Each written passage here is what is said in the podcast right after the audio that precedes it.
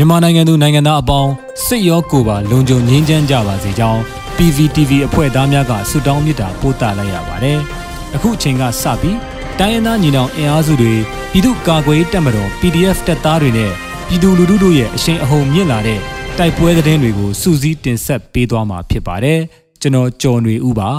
။ပထမဆုံးအနေနဲ့ဒဇယ်မြို့နယ်မြောက်အင်းကြီးရွာမှာမိရှို့ခဲ့တဲ့စစ်ကောင်စီအဖွဲ့ရွာမအထွက်မိုင်းဖောက်ခွဲတိုက်ခိုက်ခံရတဲ့တဲ့တင်ကိုတင်ဆက်မှာပါ။ တကိုင်းတိုင်းဒဇယ်မြို့နယ်ရေဦးကုန်းအုပ်စုမြောက်အင်းကြီးရွာမှာနေအိမ်များကိုမိရှို့တဲ့အကြမ်းဖက်စစ်ကောင်စီတပ်ဖွဲ့ဝင်များဟာလက်ရှိအချိန်မှာမြောက်အင်းရွာမှထွက်ခွာသွားပြီးမြောက်အင်းရွာမြောက်ဖက်အထွက်မှာမိုင်းတလုံးဖောက်ခွဲတိုက်ခိုက်ခံရကြောင်းဒေသခံများကပြောကြားပါရယ်ပြည်သူများရဲ့နေအိမ်များကိုအကြောင်းမဲ့မိရှို့ဖျက်ဆီးခဲ့တဲ့အကြမ်းဖက်စစ်ကောင်စီတပ်ရဲ့မိုင်းခွဲတိုက်ခိုက်ခံရမှုမှာ၎င်းတို့ရဲ့အထူးကအကြဆုံးမသိရသေးပါဘူးလို့ဒေသကာကွယ်ရေးအဖွဲ့ကဆိုပါရယ်လက်ရှိအချိန်မှာမိတော့အရှိန်ပိုများနေကနေအိမ်များကိုမိဆက်လက်လောင်နေပြီး ရွာသူရွာသားများအားလုံးတောထဲမှာရှောင်နေကြရတဲ့အတွက်မိငိမ့်သက်နိုင်ခြင်းမရှိသေးပါဘူး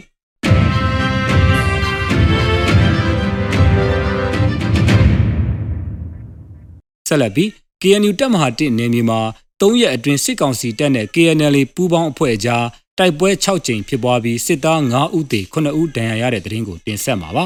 ။ကရင်မျိုးသားအစည်းအရုံး KNU တပ်မဟာ1ထိန်းချုပ်နယ်မြေတထုံခရိုင်အတွင်း KNL PDF ပူးပေါင်းတပ်ဖွဲ့နဲ့စစ်ကောင်စီတပ်ကြား၃ရက်အတွင်းတိုက်ပွဲ6ကြိမ်ဖြစ်ပွားပြီးစစ်သား9ဦးသေ9ဦးဒဏ်ရာရကြောင်း KNU ကသတင်းထုတ်ပြန်ပါတယ်။ဒီဇင်ဘာလ22ရက်မွန်းလွဲ2နာရီခွဲခန့်မှာ KNL PDF ပူးပေါင်းတပ်ဖွဲ့နဲ့စစ်ကောင်စီရဲ့စကခ8လက်အောက်ခံခမာယ439ခွန်တပ်ဖွဲ့ကြားတထုံမြို့နယ်ကော်လိုင်းကျေးရွာအုပ်စုစောဘီနာအနီးမှာထိတွေ့တိုက်ပွဲဖြစ်ပွားပြီးစစ်သား9ဦးသေဆုံးက6ဦးဒဏ်ရာရကြောင်းနနက်7:10မိနစ်မှာလဲရိတ်ခါတင်စစ်ကားတန်းကို KNL တပ်ရင်း3ပူးပေါင်းတပ်ကကြိုက်ထိုအင်္ဂဘိုကျေးရွာအနီး၌ပစ်ခတ်တိုက်ခိုက်ရာစစ်ကားတစ်စီးပျက်စီးသွားကြောင်းမွန်လွယ်3နာရီခွဲမှာလဲ KNL တပ်ရင်း3ပူးပေါင်းအဖွဲ့ကခလာရ2စခန်းကိုပစ်ခတ်တိုက်ခိုက်ခဲ့ရမှာစစ်ကောင်စီတပ်မှတအူးဒဏ်ရာရပြီး KNL ဘက်ကထိခိုက်မှုမရှိကြောင်းထုတ်ပြန်ချက်မှာရေးသားထားတာပါ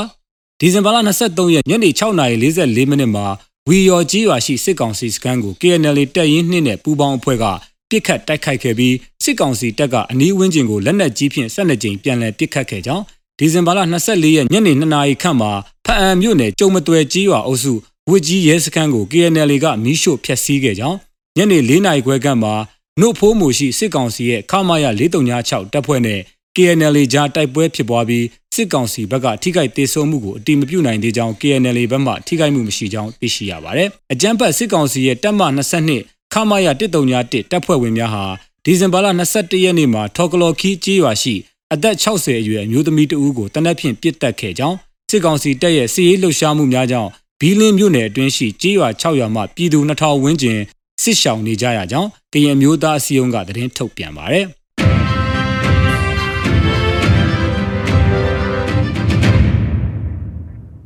နောက်ဆုံးအနေနဲ့အမျိုးသားညီညွတ်ရေးအစိုးရပြည်ထရေးနဲ့လူဝင်မှုကြီးကြပ်ရေးဝန်ကြီးဌာနက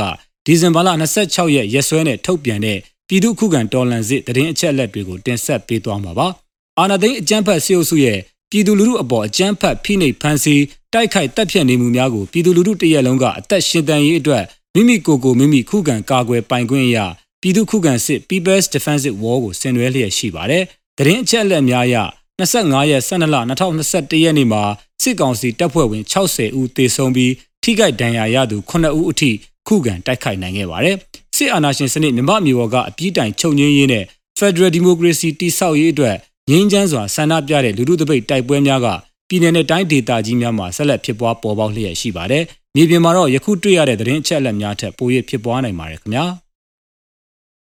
ရေတော်ဘုံအောင်ရမည်ရေတော်ဘုံအောင်ရမည်